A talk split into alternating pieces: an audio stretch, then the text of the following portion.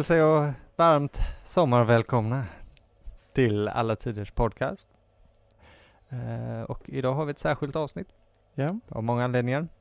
Eh, vi ska ha det sista kan man säga för säsongen. Ja. Eh, vi inleder med det så ni, så ni vet det redan nu och inte blir gruvligt besvikna. Och sen ska vi också prata om en knepig kille va? ja en av de kanske mest mytomspunna och excentriska av alla filosofer. Ja, det är i alla fall mina fördomar. Vi får se om du spräcker hål på dem med din expertis idag. Jag skulle nog säga att han eh, prickar nog in, inom de flesta kriterierna. Vad skönt. Och ytterligare ett par stycken skulle jag tro. Ja men det är bra. Jag tycker det är skönt när stereotyperna infrias Mm. och att man visar sig att man hade rätt i sina fördomar. Han var ju elev till eh, Bertrand Russell Ja, han är rolig. som ju fick Nobelpriset i eh, litteratur faktiskt. Mhm. För sina memoarer tror jag. Han sa i alla fall att eh, det här var kanske det mest perfekta exemplet som han någonsin känt av ett traditionellt uppfattat geni. Passionerad, djup, intensiv och dominant. Jaha. Ja. Så det, det är det vi kommer att gå in på. Ja, men då tänker jag rycka om mattan och säga att vi ska prata om eh, Ludwig Wittgenstein. Ja. Filosofen. Idag. Men innan vi går in på hans liv så tänkte jag ta upp något helt annat. Alltså, Lite. Därför att namnet Wittgenstein i sig är intressant. Okej. Därför att det är självt bär vittnesmål om en av de stora förändringarna i europeisk kulturhistoria. Magnus. Oj. Nämligen eh, introducerandet av efternamn. Aha. Det är nämligen så att eh, nu för tiden har vi alla efternamn. Men för länge, länge sedan fanns inte efternamnet så som vi känner det. Alltså ett namn som, man, som går i arv över flera släktled och som alla i samma släkt bär på. Men det tänker man, jag heter ju Juliusson. Ja. Och då tänker man att det var någon som hette Julius någon gång. Ja, det ja precis. Ja, det är ju det är ett sätt. Men det, det vi menar med ditt efternamn nu är att även dina släktingar heter Juliusson. Ja, men dina precis. föräldrar kanske, dina bröder Ja. och så vidare. Och så Men vidare. jag tänkte att det hade en funktion en gång. Ja. Att, liksom att det betydde verkligen son till Julius. Ja men så är och det. sen bara ju, sket man i att uppdatera det. Ungefär så. Det adliga hade ju nästan efternamn förr i tiden. De var ju kända från sitt hus, sitt adliga hus. Typ Ludvig av huset Svärd och Kastrull. Om vi hittar på ett namn. Eh, eller då bara Ludvig Svärd och Kastrull. Tänker du på natt och dag när Ja. du säger det? Precis. Niklas Natt och Dag till exempel, författaren, är ju ett bra exempel på det. Ett adligt namn. Det är ju inte ett efternamn egentligen.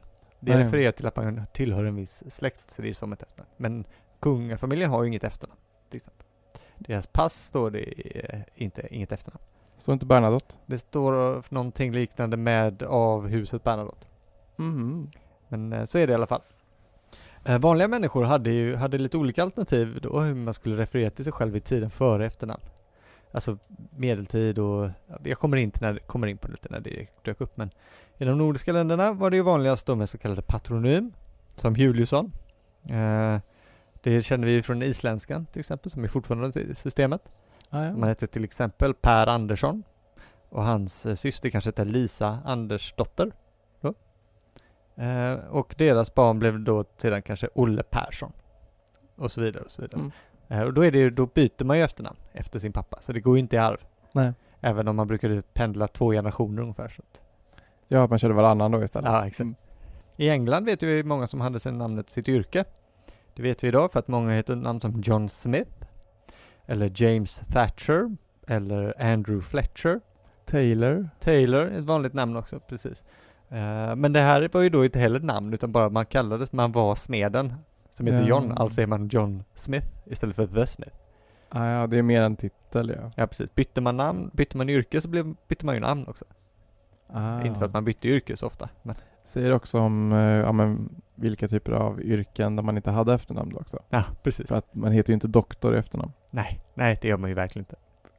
Det är bara sådana här väldigt, det är ju bara hantverksyrken då och lägre, lägre liksom. Och ofta kallades man då namn från där man var ifrån, som Margareta från Edeby, eller franska är vanligt till exempel, eller latinska namn, Françoise de Berne skulle man kunna heta till exempel. Mm. Men i och med omstötningarna av samhällen i slutet på 1700-talet eh, förändrades detta. Så vanliga människor skulle också börja ha riktiga efternamn, säga namn som, som gick i arv. Eh, och kanske framförallt i Frankrike då efter revolutionen. Inte så konstigt, det var, de gillar ju att göra sånt. Och det höll i sig även under Napoleontiden. Så att 1808 bestämde Napoleon att alla i hans domäner skulle ha ett efternamn. Och det fanns ändå en viss man som hette Moses Meyer. Det var då inte efternamn, i- inget riktigt efternamn då, varken att han hade två namn tydligen. Eh, han bodde då för tillfället i ett ställe som heter Wittgenstein i Ah. tyska Westfalen och behövde ett efternamn. Eftersom han var bestämd att han behövde ett efternamn. Så då tog han namn efter sin arbetsgivare, fursten av huset Sein Wittgenstein och kallade sig för Moses Meyer Wittgenstein. Aha. Och det är då Wittgensteins arvtagare som har direkt namn från Napoleons bestämmelse att nu ska efternamn införas i Europa. Wow. Mm. Och Sverige anammade ju då också bruk med efternamn successivt under 1800-talet. Mm. Och det är då de här namnen som Juliusson stelnar Mm. ofta. Det är därför många heter namn som var populära på 1800-talet. Sen har vi många sådana här, det är mycket soldatnamn i Sverige också. Mycket soldatnamn ja. Blixt, svärd, Glad och sådana här egenskapsnamn och sånt Mm. också ju. just det. Pigg och kanske det heter, men eh, Nej, rask däremot. raska, absolut. Och sen eh, blev det så Modig. Också, modig. Mm. Sen blev det också namn från platser, folk som heter saker som eh, eh, Bergman, är ju ett yrke i och för sig. Men, eh, kom jag på. Men, eh, vad heter folk? Men typ sådana här eh, byar som har eh, väldigt Men- geografiska grejer, typ Ja. så här Ekby och ehm, Man tog ofta namn efter eh, ett gård eller en by. Mm. Men i alla fall, där, där har vi, eh, vi har ett vittnesmål på i familjen Wittgenstein.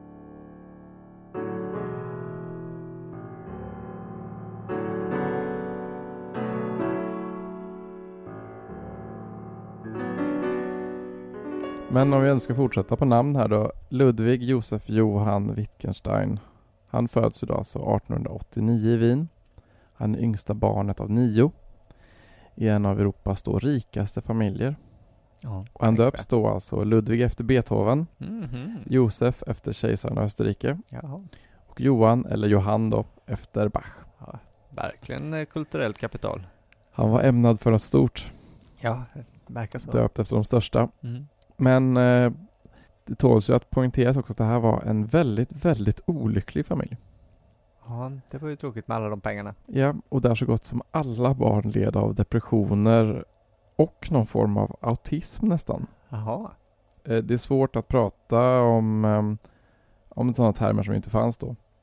Nej, det är Så ju att eh, bra. man ska inte vara alldeles för anakronistisk. Nej. Men eh, alltså de var otroligt högpresterande. Ja.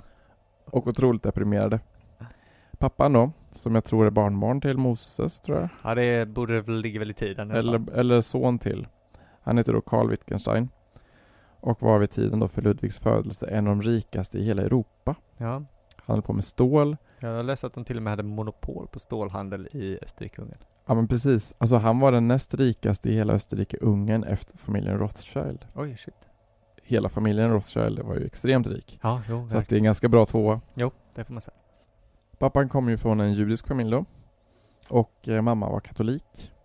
Och barnen uppfostrades eh, katolskt.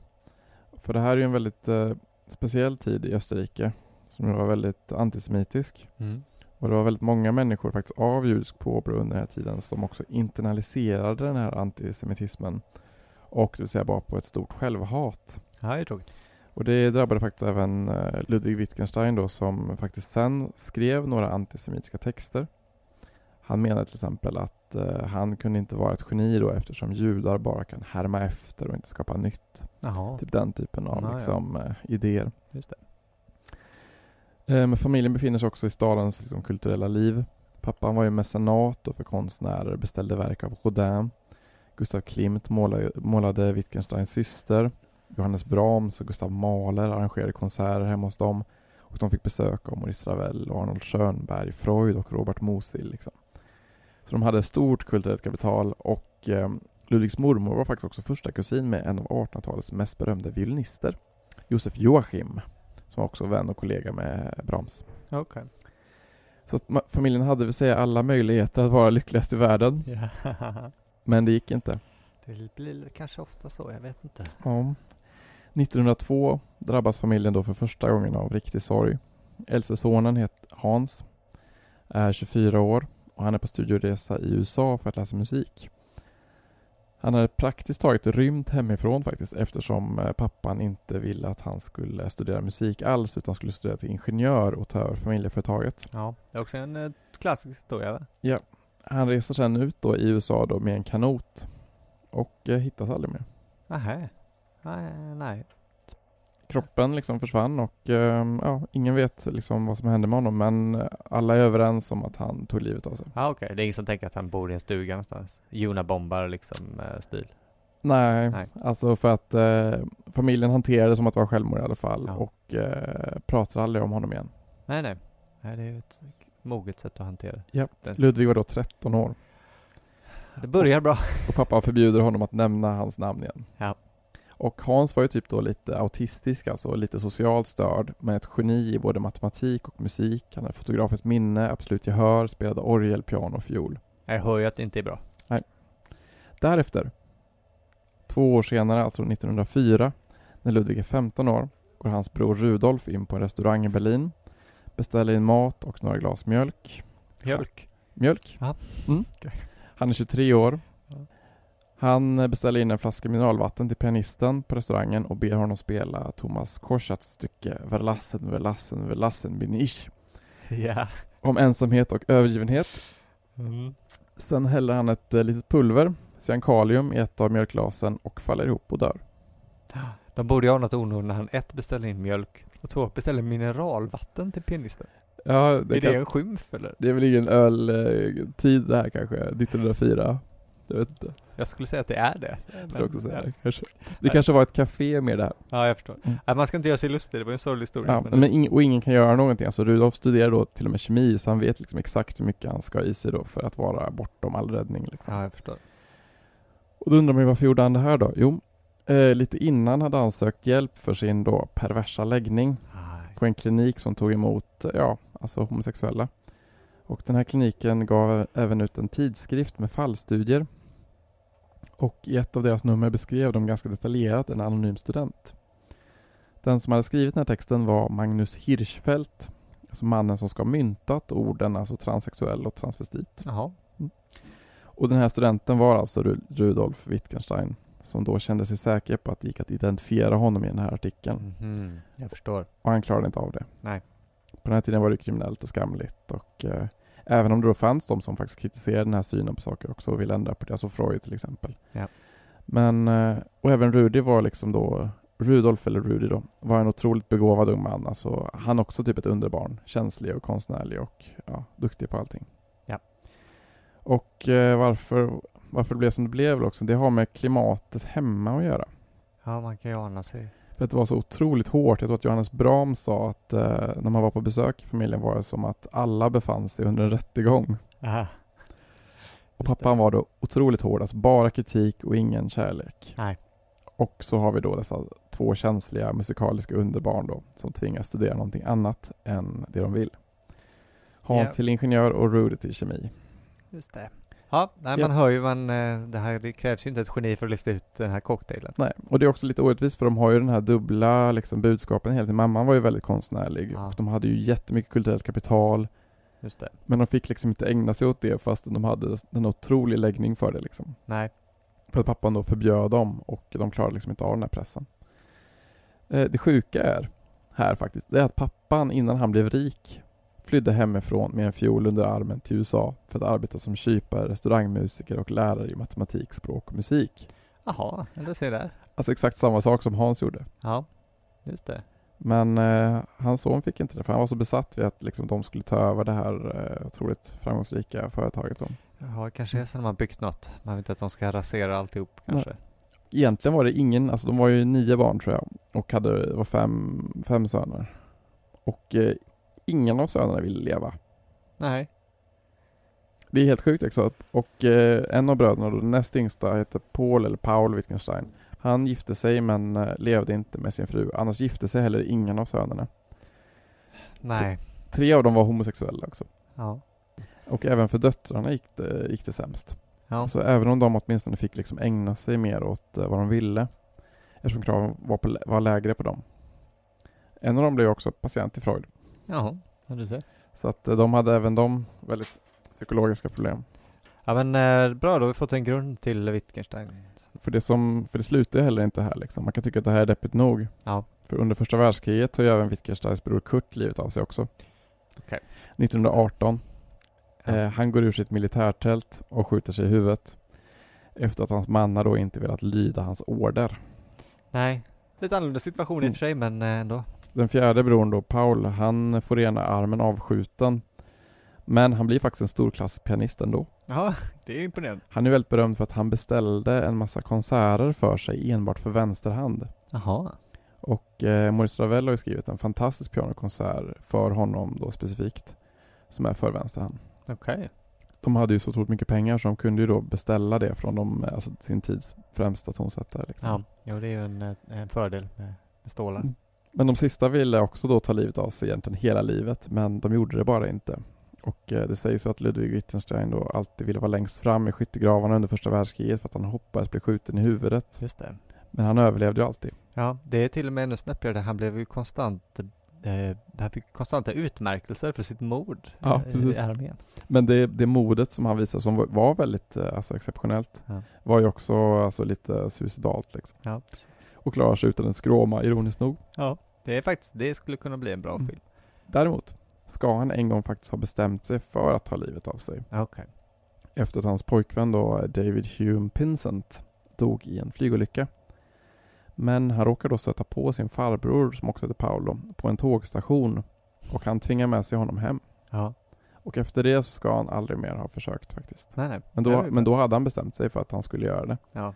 Det blir ju snöpligt i och för sig om man stöter på honom på vägen. Man kanske kommer ur zonen lite. Ja men lite, det var väl det som hände liksom. Ja.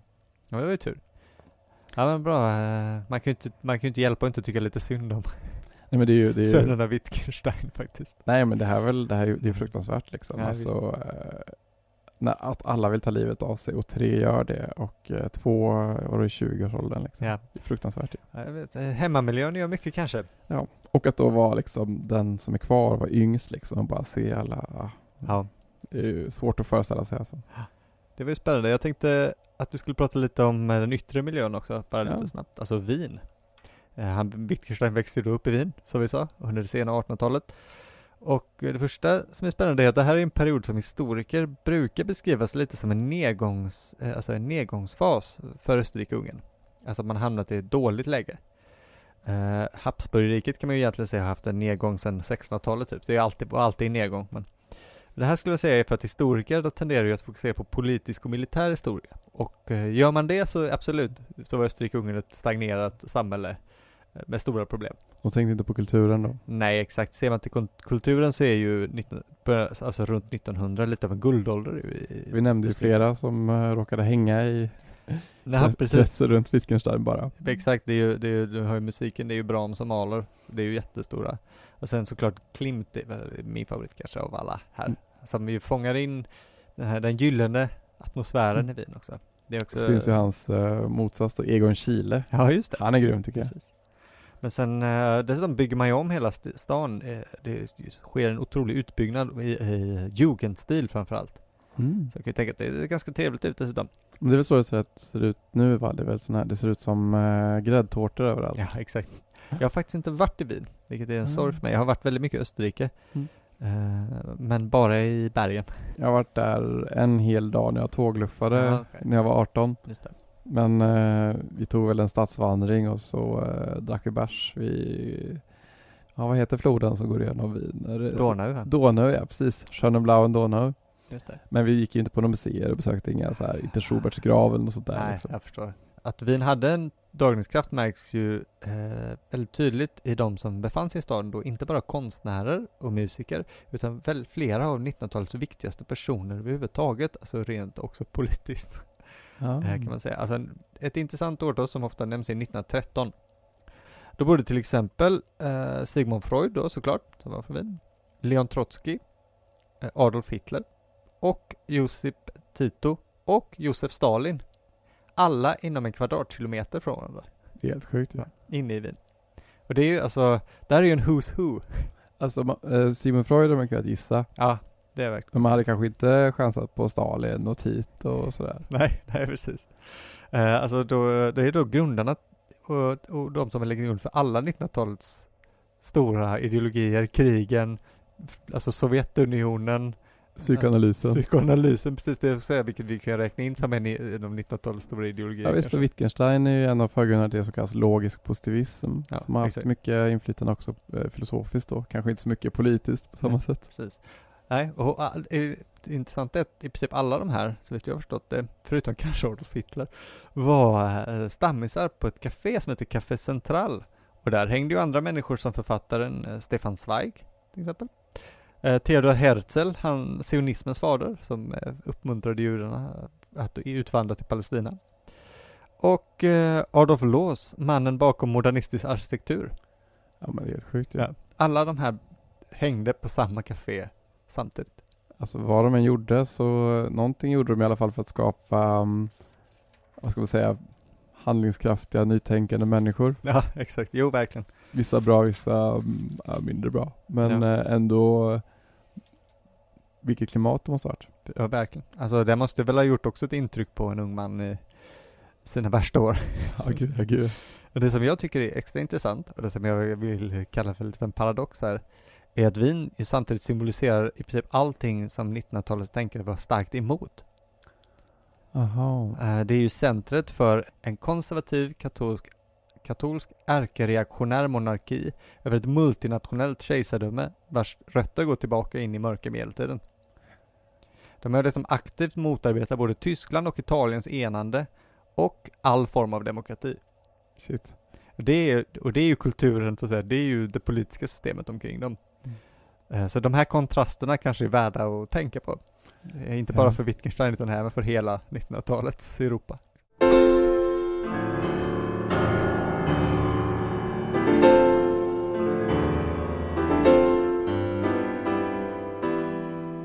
Ja, men Ludvig då?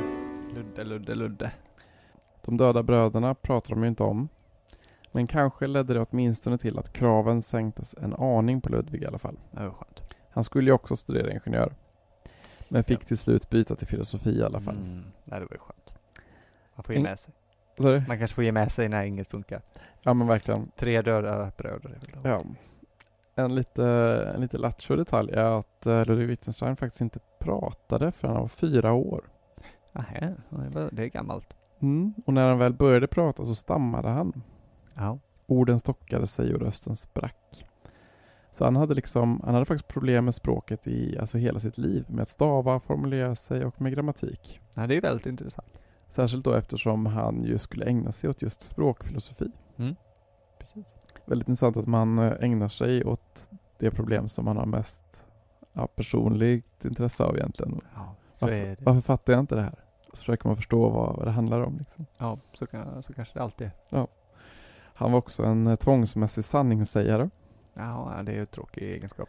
En bra egenskap om man, om man är filosof. Jo, i, jo kanske i och för sig.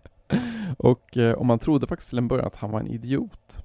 Ja. Eftersom han var så sen med att prata. ja, det är väldigt sent, fyra år. Alltså får vi tänka liksom att han, Ludwig Wittgenstein då, ett av liksom 1900-talets stora genier och liksom en av de mest berömda filosofer som någonsin har funnits. Han är så sämst i denna familj av underbarn. Ja, just det. Nej, det är bra att komma ihåg. Så han, och han spelade därför heller inga instrument. Nej, nej. För att eh, alltså, även hans systrar var ju alltså stora pianister. Alltså, hade de bara haft möjlighet så hade de varit eh, alltså, framgångsrika musiker om de hade fått vara det. Ja, Så nej, att, då vill man ju inte ge sig på det såklart. när det är åtta pianister ovanför en liksom, som, eh, som alla är fantastiska. Liksom. Mm. Men han ska ha varit en fantastisk visslare. Ja, Och han ska ha kunnat vissla alltså hela symfonier. oj. Ja, det är ju jättespännande. Det är väl roligt här att jag kunde inte vissla förrän jag var 21.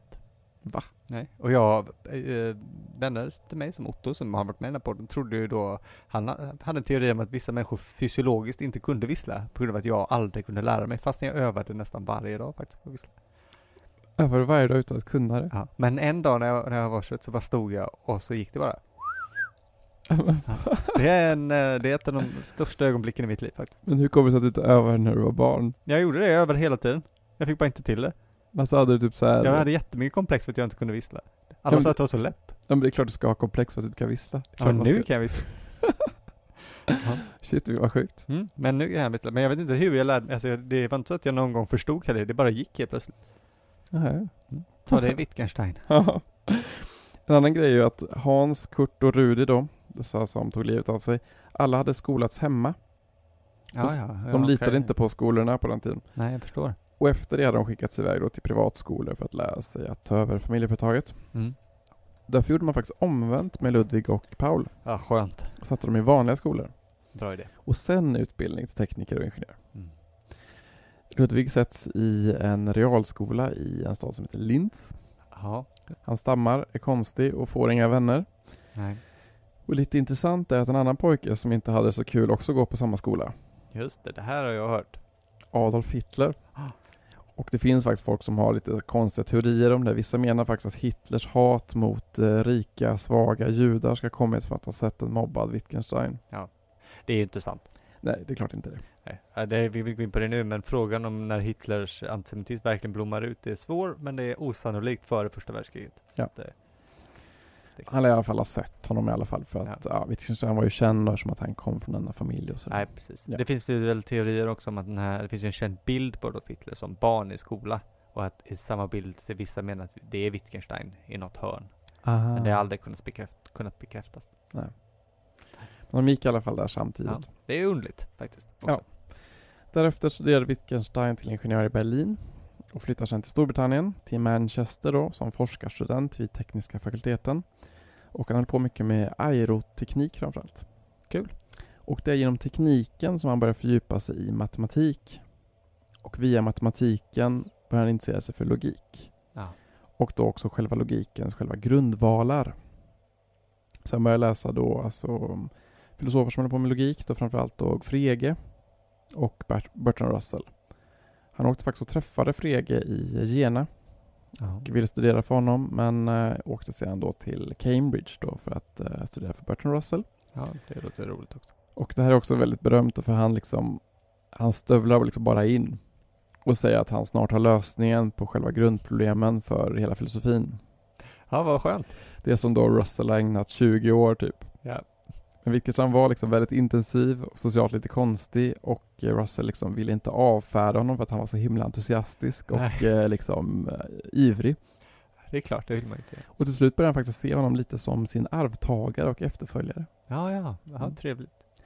Men det sjuka här, alltså det här verkligen måste man poängtera. Att Wittgenstein har en tendens att hela tiden få vad han vill. Utan att någonsin prestera någonting egentligen. Nej. Alltså han blir, han blir doktorand i filosofi utan att ha tagit en enda poäng i filosofi. Ja. Ja. För att han var så himla självsäker. Han var heller aldrig någon som läste särskilt mycket filosofi.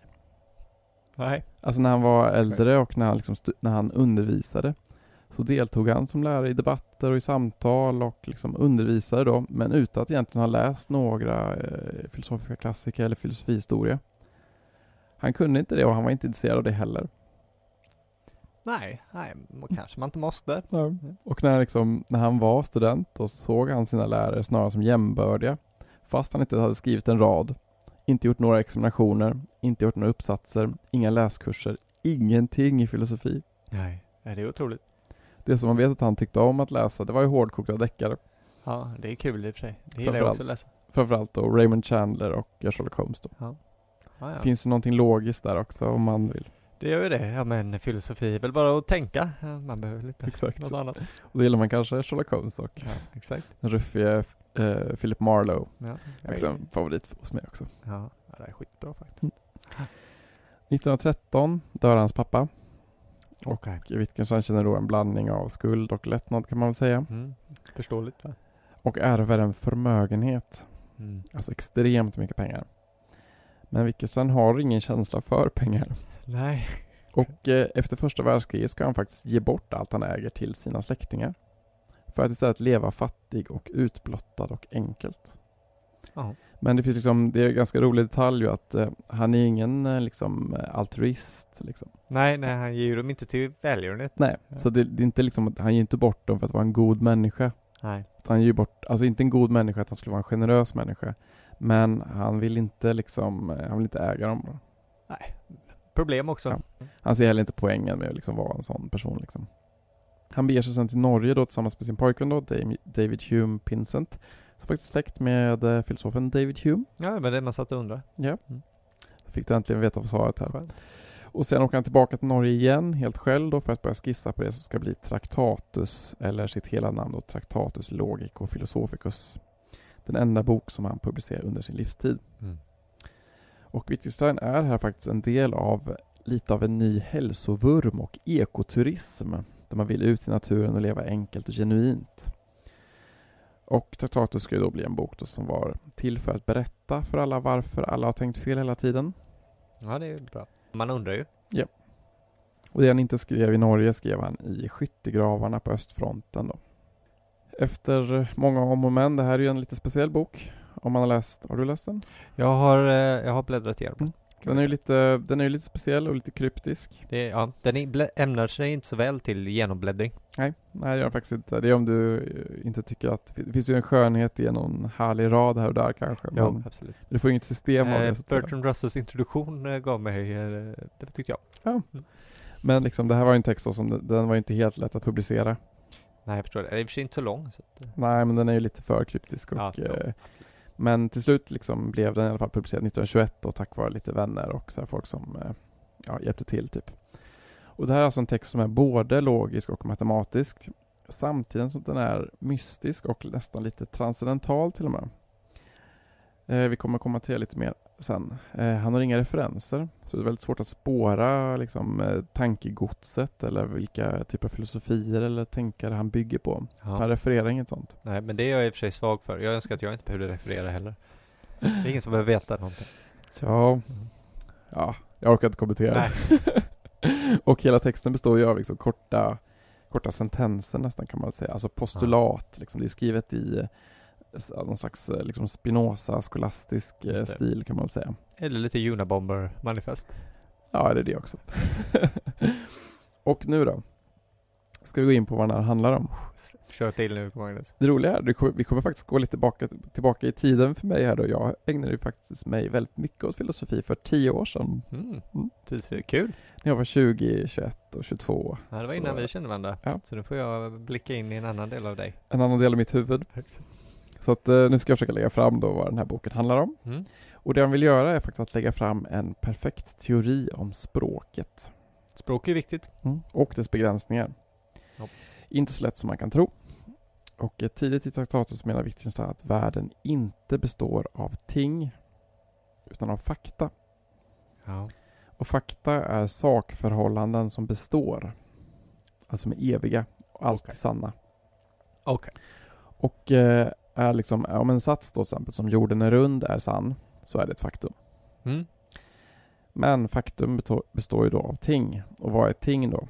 Jo, enligt Wittgenstein är ting enkelt och färglöst. Enkelt betyder att det inte kan delas upp i sina beståndsdelar utan är helt självständigt. Alltså det är som en atom då, Ja. nästintill. Det är är inte det. det heller, men Nej. det är, det är odelbart. Okej. Och ehm, tinget deltar i konfigurationer, alltså i sakförhållanden. Och de kan skifta men tinget är fast. Så om du tänker då stolen är röd. Eh, som är då en konfiguration mellan en stol och som har färgen röd. Färgen är en typ av egenskap som enligt Wittgenstein alltså räknas som ett ting då. Och därtill kommer form, storlek och material och sånt där. Och det som binder dem samman. För enligt Wittgenstein måste det också finnas något som också uppbär dessa egenskaper.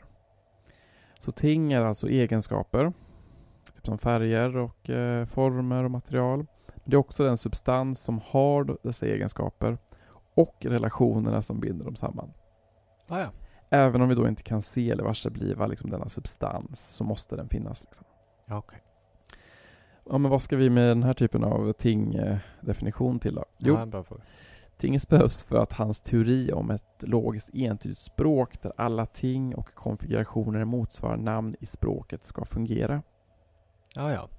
Okej. För att tinget måste vara entydigt och fullständigt i alla möjliga världar och eh, om det inte är det blir det som är sant beroende av om- en annan sats är sann. Det här måste vara oberoende sant. Ja, ja. Och Då måste det liksom vara eh, ja, så tydligt. Mm. Det leder oss in då på Wittgensteins bildteori. Alltså om hur en meningsfull sats avbildar verkligheten. Just det. And this is the problematic part. Eh, han skriver då att satsen är en bild av verkligheten kan vi säga. Om vi då formulerar en meningsfull sats gör vi en bild av fakta.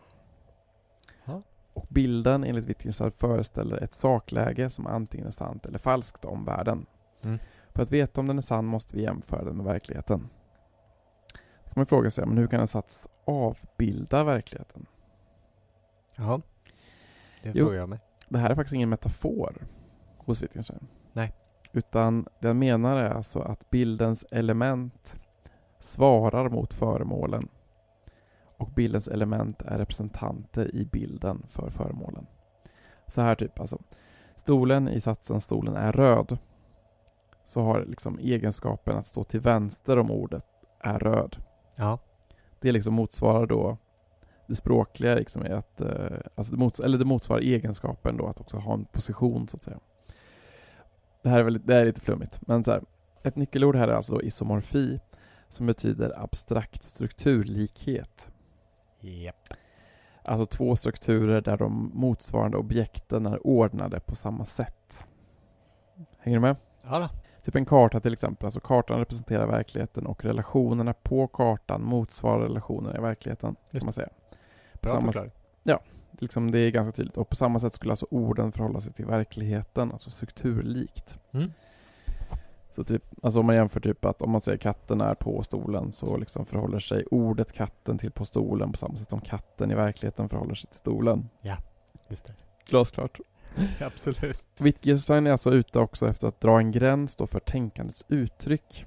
Och för att hitta den här gränsen för liksom vad man kan säga och inte säga så måste han befinna sig på båda sidor om den, även på andra sidan då, där nonsens är liksom. Det vi inte kan tänka. Och eh, här kan man då också skilja mellan tänkande och tankeinnehållet också. Alltså. Men hur en sats avbildar världen har alltså med språket att göra.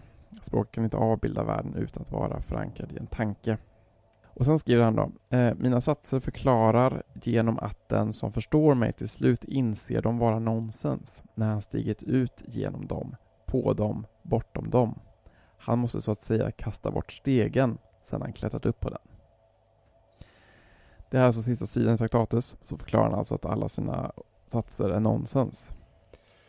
Ja, kul. Ja, men det är ganska spännande för att nonsens är ju också vad han kallar alla andra filosofers satser och frågor. Men det han försöker göra är att se hur saker fungerar och förklara dem, även det som vi inte kan förklara med de ord vi har. Vi kan inte empiriskt se de fasta tingen, alltså projektionsreglerna mellan sats och verklighet eller mellan tanke och sats. Därför är det nonsens. Men samtidigt måste de finnas. Ja, ja. Satsen visar sin mening och eh, som han skriver några sidor fram sen, det som kan visas kan icke sägas. Så Wittgenstein visar upp oss på en stege till en ny avsats och en ny utsikt över hur språk och värld fungerar. När vi väl nått denna nya avsats kan vi inte se tillbaka på stegen hur det har gått till när vi liksom införskaffar oss dessa nya glasögon att betrakta världen igenom. Utan vi bör till och med kasta bort den eftersom den inte språkligt sett har någon direkt mening. Och därför ska vi heller inte gräva ner oss allt för mycket i hans formulering eller vad som är nonsens eller inte i hans teori, liksom, utan kasta bort Traktatus som den stege den har varit för oss för att inse det här. Okej. Vad man icke kan tala om, därom måste man tiga. Mm, jo. Och det är väl en slut lite av sensmoralen typ. Ja, hängde du med? Eh, Ja, be mig inte redogöra för det igen, men Nej. Men det är lite så här analt faktiskt. eh, Men det finns liksom mycket, mycket mystiska saker i den här som också är lite spännande och liksom sådär. Men det han gör egentligen, det är liksom det är liksom att egentligen inte lägga fram någon teori om hur språk eller världen egentligen fungerar utan en lite aspig och överlogisk teori om ett hur ett språk som var perfekt borde ha fungerat. just det. Ja, Där varje ord har ett objekt i världen som det syftar till. Liksom. Han lägger fram en helt logisk matematisk världsbild. Även om man kan läsa den lite liksom kantianskt mystiskt också om man vill. Men det gör vi inte idag. är bra det. Men, men grejen är att språk inte fungerar så här. Nej, nej. Det, det, det är en av de sakerna jag vet om. Ja. Ord syftar ju på flera saker, samma Ja. ord har flera betydelser. Vissa säger en grej och menar en annan, etc. Ja. Men eh, det är liksom inte det det handlar om, utan det här är liksom en, eh, en idé om ett perfekt språk som man eh, applicerar på vårt språk. Ja. ja, det kan man ju göra också i och för sig. Ja. Det är som eh, idévärldens språk. Ja, verkligen. Men eh, det är egentligen traktatus det här liksom. Ja. Men ganska snitsigt formulerad och många, alltså det finns ju många som egentligen gillar traktatus för att det blir någon form av eh, matematisk poesi över den. Kan och, och den har en del kryptiska formuleringar som är ganska alltså, spännande. Så många, många ser det ju nästan som ett poetiskt verk, alltså som ett, alltså en modernistisk klassiker. Mm. Härligt. Det låter roligt också. Ja, och, och den vill ju framförallt förklara, alltså den, här, den här frågan som även Bertrand Russell och den, alltså logiken under, sek- runt sekelskiftet där handlar om, alltså hur, hur alltså våra satser, våra ord refererar till verkligheten. Och hur man ska avgöra sant, sant eller falskt liksom baserat på den relationen. Och ett kul exempel är ju som Bertrand Russell har som är att kungen av Frankrike är skallig. Mm. Ett av hans exempel. Och det är ju en sats som är begriplig. Ja. Men den är ju falsk. Ja, Frankrike har ingen. Nej, exakt. Så liksom, vad ska man göra med sådana satser som inte har någon referens? Nej. Alltså vi fattar ju den. Men den, den fungerar ju inte. För det är, som den liksom, det är som att ha en kontakt som inte har ett uttag. Ja, jo. Är det en kontakt då? Och det är väl lite det som de försöker lösa här och det som också Wittgenstein försöker gå in i, liksom att förklara hur ord och värld hör ihop liksom. Och det blir den här mystiska texten då. Ja, visst. Det känns ju som ett uh, maskhål också att eh, gå in i. Ja, gud. Vissa frågor är ju bottenlösa hål. Så. Ja, exakt. Och det, är ju, det visar ju filosofihistorien många gånger. Ja.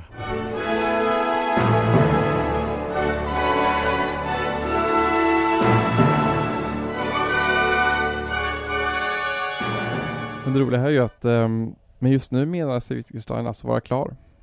Ja, vad bra. Mm. Mm. Han, eh, han hade liksom satt punkt för um, ja, två och ett halvt tusen år av um, filosofihistoria. Snyggt. Alla frågor var lösta och allting som inte tas upp i den här boken är uppenbart nonsens. Ja. Och det behöver vi inte prata om. Det är Nej. bara skit. Nej, skönt. Gud vad skönt att veta sånt och Ja. bara vara så säker. Och han lämnar oss filosofin bakom sig. Mm. Däremot, han ska ju komma tillbaka till filosofin och Ja. till språket. Jo, det är ju cliffhanger. Så att eh, allt var inte helt färdigt. Nej. Men det ska ta ett tag. Wittgenstein har ju en del mystiska drag som jag nämnde lite kort. Men också en hel del idealistiska drag, inspirerade av typ Tolstoj. Mm. Wittgenstein idealiserar ju det enkla vardagliga livet. Det är då han ger bort alla sina pengar och bestämmer sig för att jobba som folkskollärare och även trädgårdsdräng i Österrike. Ja. Han använde då ett eh, taget namn för att ingen skulle känna igen honom som arvtagare till den förmögna Wittgenstein-familjen. Nej. Nej. Man kan ju tänka sig att han smälter rakt in på den österrikiska landsbygden. Japp, ingen kunde se att han stack ut. Så lärare var han också väldigt entusiastisk och gick in väldigt hårt. Han hatade de andra lärarna, det gick jättedåligt med dem. De var idioter. Men han blev också lite av en tyrann. Alltså han var ganska omtyckt ett tag som lärare men blev sen lite väl bitter och sur och eh, tvingades sluta efter att ha fysiskt bestraffat ett barn lite väl ordentligt. Ja, Alltså misshandel till och med. jag läste att eh, det var dels då att han slog barnen väldigt mycket. Att han även slog flickorna också, vilket Mm. mm. uppmärksammades. Det brukade man inte göra, man brukade bara slå Mm. pojkar. Men sen också att, men att hans elever var otroligt entusiastiska att svara på alla frågor han ställde. Mm. Att de tävlade om hans gunst samtidigt. Ja men precis, han var ju väldigt omtyckt och väldigt brutal på Ja. något vis liksom. Kanske lite som sin eh, pappa. Precis, precis. Men ja, men eh, Wittgenstein var ju aldrig riktigt en folkets man. Nej, kanske inte. Han, var, han höll ju sig för sig själv och var ju väldigt otrevlig och passade ju aldrig in någonstans. Så det blev ju aldrig den här liksom, bondska community-känslan som man kanske drömde om i Ja. en, i en Tolstoj-roman. Nej, precis. Man känner att Tolstoj kanske hade lite mer karisma än vad Wittgenstein hade. Lite. Men alla har inte allt. Så efter typ 15 år borta så återvänder, återvänder han 1929 till Cambridge. Utfattig den här gången. Eh, bara för att kolla läget sa han. Ja, okej. Alltså som en form av semester eller visit. Alltså han är inte inbjuden utan liksom, det är bara att han kommer tillbaka liksom. Ja, hint hint. Men den här gången är han pank. Mm. Men ändå lyckas han få ett arbetsstipendium och börjar sedan föreläsa året efter. Men då tänker ju du Sebastian, för att få föreläsa och vara universitetslärare i Cambridge måste man ju ha en doktorsavhandling. Så brukar det vara. Även på andra universitet. Japp. Mm. Vad gör han då? Jo, då plockar han fram Traktatus utan noter, utan formalia, utan eh, problemställning, utan slutsats. Ja. Och efter ett kort snack då mellan eh, filosofen G. Moore, Bertrand Russell och Wittgenstein så är han doktor. Gud. Det är så här, det är så här universitet borde fungera. Jag menar, de bara, men han är ju ett geni, right? Ja. Alltså han gör ju liksom ingenting. Nej, det är därför min akademiska karriär liksom avstannat lite där. Det är för att de aldrig riktigt eh, bara kunde förstå. Du vill ha ett sånt där eh, Lisebergs guldpass? Exakt. Bara, Ja, ja, ja, ja, förbi. Nej, precis. Jag tycker det är så tråkigt att göra allt det tråkiga jobbet. Men det är ju helt bisarrt liksom att Ja, han, att han liksom eh, aldrig, alltså han gjorde ju inte en enda hemtenta. Nej, nej. Just det. Det är helt sjukt. Ja. Och han kommer faktiskt aldrig publicera sig mer. Nej, nej. Mm. Men han skriver ju mycket, mycket små lappar framförallt och anteckningar i en massa kartonger och lådor och eh, föreläsningar då som sen har getts ut på stumt. Ja. Hans andra stora verk eh, är ju filosofiska undersökningar som han då alltså redigerar hur länge som helst utan att den hinner bli klar faktiskt till hans död. Mm. Så att eh, den, är, den är ju ofullbordad då egentligen även om ja, den känns väl som en bok, antar jag. Ja. Så här skriver faktiskt Sten Andersson i sin eh, bra Wittgenstein-biografi om man är mer intresserad av honom för att vi, kom- vi hinner inte ta upp allting såklart. Det är ju en, eh, det är en tjock biografi men väldigt, väldigt läsvärd. Han skriver så här då. Eh, om den tidige Wittgenstein var ordknapp och sade för lite är den senare Wittgenstein voluminös och pratar för mycket. Ja, se. Han skriver liksom lite om allt möjligt som han kommer att tänka på. Och ehm, det är ju lite lattjo för eftersom han inte läste andra filosofer är ju heller inte allting superoriginellt heller. Nej, nej det är klart. Men han, liksom, han är en han är liksom en filosof som försöker tänka utan tradition, alltså tänka Ja. från början, alltså bara tänka på vad han, han skriver liksom vad han tänker på helt utan referenser eller vad, vad skrev Platon om det här och vad tyckte Kant om det, utan han bara, han bara börjar från scratch helt själv. Mm. Vilket ger såklart eh, växlande resultat. Jo, Men oftast är det väl lite kul. Och, eh, han var liksom besatt av filosofi samtidigt som han egentligen fortfarande ville se till att det inte skulle finnas någon mening med filosofi längre. Nej. Att liksom, sig, det kan jag känna igen också att man när man ska skriva en uppsats liksom, så är målet med den är ju att sätta punkt för det här ämnet. Att ingen ska behöva säga någonting mer om det här, att det här ska vara det liksom slutgiltiga. Du har så höga anspråk på dina, när du har skrivit uppsatser. eh. Ja men, ja, men jag tänker, man, man vill göra det färdigt. Jo, Alltså okej. man vill inte bara säga nu sätter jag liksom, lägger jag in en fotnot här, utan man, man tänker ju att nu ska jag reda ut ett missförstånd som folk har haft. Mm, härligt. Nej, nej okej, okej, det här kanske sa mer om mig än vad jag tänkte att jag, Jag skulle tror göra. det faktiskt, men uh, visst. Och det sägs att Wittgenstein blev arg när hans elever sa att de ville bli filosofer. Okej. Han har ju sagt allt. Ja, ja men så här, det, är det kommer ju snart få slut. Ja, precis. Förstår ni inte? Det här är ett dött ämne. Det, det är faktiskt sjukt, det finns eh, liknande historier faktiskt om folk som var ehm, fysiker faktiskt i slutet på 1800-talet. Ah. Att det var lärare då, alltså typ så här 1890 där liksom, som sa till sina elever att det var ingen idé att läsa fysik för snart kommer allting vara löst. Ah, ja. Okej. Vad händer sen? Jo, sen kommer Einstein Ja, och bara boom. kastar om den Ja. lådan. Men de, alltså fysikerna på den tiden trodde, var så självsäkra att eh, universums mysterier är lösta inom kort. Att de ja, inte uppmanade folk att studera det för att det skulle inte finnas något jobb. Nej. Högmod kallas det va? Vad säger man om det? Ja, det är visst. sånt högmod som ledde fram till första världskriget. Ja, faktiskt. Det var fysikernas fel hela tiden. Ja, verkligen.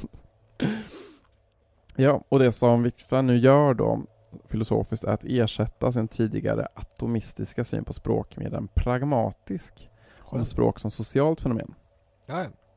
Han skriver så här faktiskt, det här är lite fint tycker jag. Han skriver eh, i filosofiska undersökningar då. Eh, man kan betrakta vårt språk som en gammal stad. Ett virrvarr av gränder och torg, gamla och nya hus. Och hus med tillbyggnader från skilda tider. Och allt detta omgivet av en mängd nya förorter med raka och regelbundna gator och enformiga hus. Jo, det är en jättebra beskrivning. Ja, Det är en otroligt bra beskrivning. eller hur? Språket är alltså en livsform eller liksom en stad som har växt fram över tusentals eller hundratals år. Och det här är ju verkligen tvärtom som då Traktatus där språket nästan är kallt och sterilt och dött. Så här plötsligt så är språket en organism Ja. nästan. Men precis som med våra moderna städer så har vi även i modern tid ju strukturerat upp språket. Ja, precis. Skrivit eh, grammatikor och bestä- gjort eh, statliga insatser för att bestämma hur låter svenska till exempel. Mm. Hur stavar man det här ordet? Precis. Mm. Hur kommaterar man? Ja. Mm. Och eh, så nu har mening för Wittgenstein inte längre med liksom, en korrespondens mellan eh, sats och föreliggande sakförhållande att göra, utan med användning, med bruk, hur man använder språket. Och det är här som han introducerar det berömda begreppet språkspel, som de flesta kanske har hört, som betyder att ord eh, definieras enligt de olika sammanhang som de eh, uttalas i. Det. Och att olika sfärer, olika yrkeskårer, olika sociala grupper har olika sätt att prata och eh, där man använder olika ord men också det samma ord och kan ha olika betydelse eller syfta på andra saker än andra sammanhang. Ja. Men eh, det är, då, liksom, det är inte nödvändigt att vi skulle gå runt och ha en massa olika definitioner av ord i huvudet liksom, och att vi medvetet skiftar utan det här är någonting som man menar sker automatiskt. Liksom. Det är så ord fungerar. Att sammanhanget definierar ordet och dess användning mer, mer än att vi liksom byter by, betydelse medvetet. Nej, nej. Och eh, alltså man kan likna det med att, eh, att veta hur man använder ett ord är som att veta hur man använder en schackpjäs. Ja. Eller typ en tärning kanske. Du kanske använder en tärning på olika sätt i olika spel. ja, Typ i, det är skillnad på om man använder en tärning i Yatzy eller i Fia med knuff. det är det ju. Men du använder tärningen. Just det. Du bara vet hur det funkar. Ja. Och du reflekterar inte över det liksom. Och nonsens uppstår då när vi blandar ihop olika språkspel och olika spelregler kan man säga liksom. Alltså när du försöker eh, slå tärningen som Yatzy i Fia med knuff. Ja, ja. Nej, det hjälper inte att du får ett, en kåk då.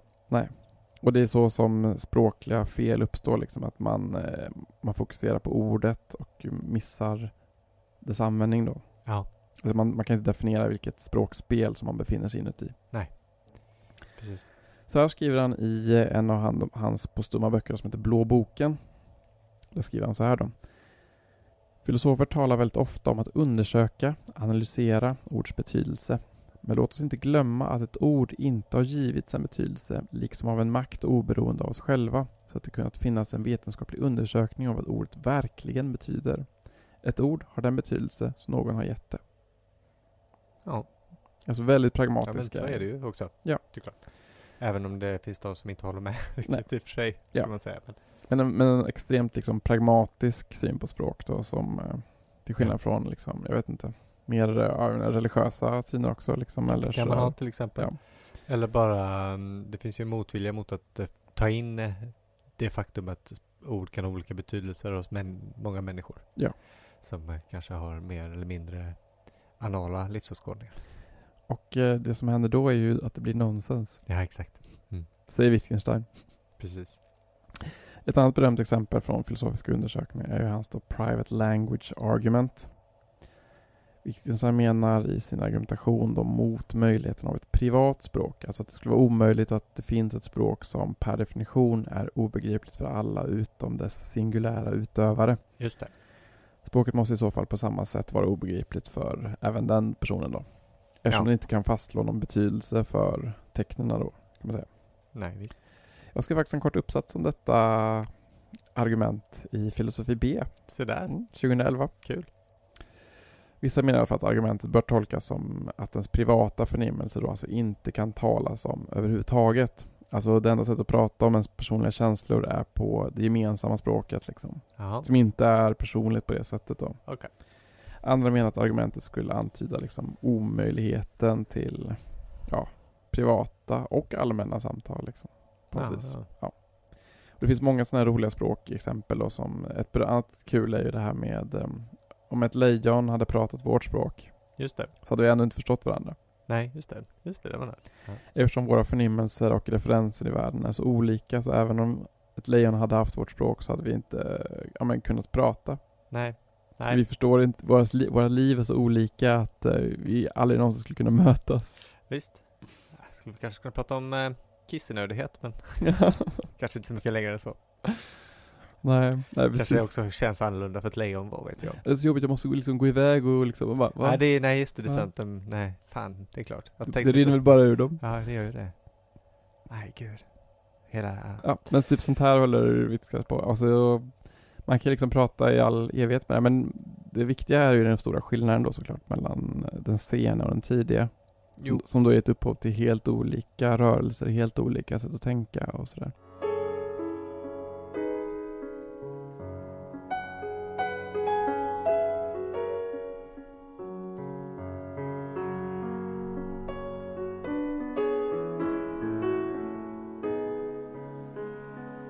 Ska jag också stövla in någonting?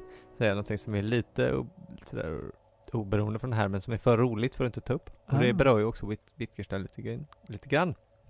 Och det är det så att samtidigt som Wittgenstein gjorde sin andra tur på Cambridge på 30-talet så växte där också fram en grupp som kommer kallas för The Cambridge Five. Eller ibland Mhm. Cambridge Four, ibland Five. Det beror på vilka man anser tillhör gruppen och inte. För att det är inte riktigt en officiell grupp på det sättet. Vi kommer in på det lite. Uh, innan vi säger mer så ska vi säga så här, exakt hur den här gruppen kom till är lite oklart. Faktiskt. Men det verkar som att det började med att Sovjetunionen sökte agenter bland Storbritanniens akademiker. Uh, uh, uh. De tänkte väl att eh, då som nu tänkte folk att akademiker brukar vara vänster va? ja, precis. Se vad vi kan hitta upp här. Och de hittade några kandidater faktiskt i 30-talets Cambridge. Mm, mm. Vi ska gå igenom dem lite här ska vi se. Eh, medlemmarna var alla prominenta medlemmar av det brittiska etabli- etablissemanget. Ganska väldigt prominenta medlemmar faktiskt. Det var ju det här. Oftast var man väl ganska fin bakgrund om man gick på Cambridge på Ja. eh, 20, 30, 40-talet. Så. Även nu för tiden tror jag det är fortfarande ganska dyrt. Ja. Fint, Cambridge. Men så här, vissa av dem var övertygade kommunister. Och det förklarar ju varför de valde att arbeta för Sovjetunionen.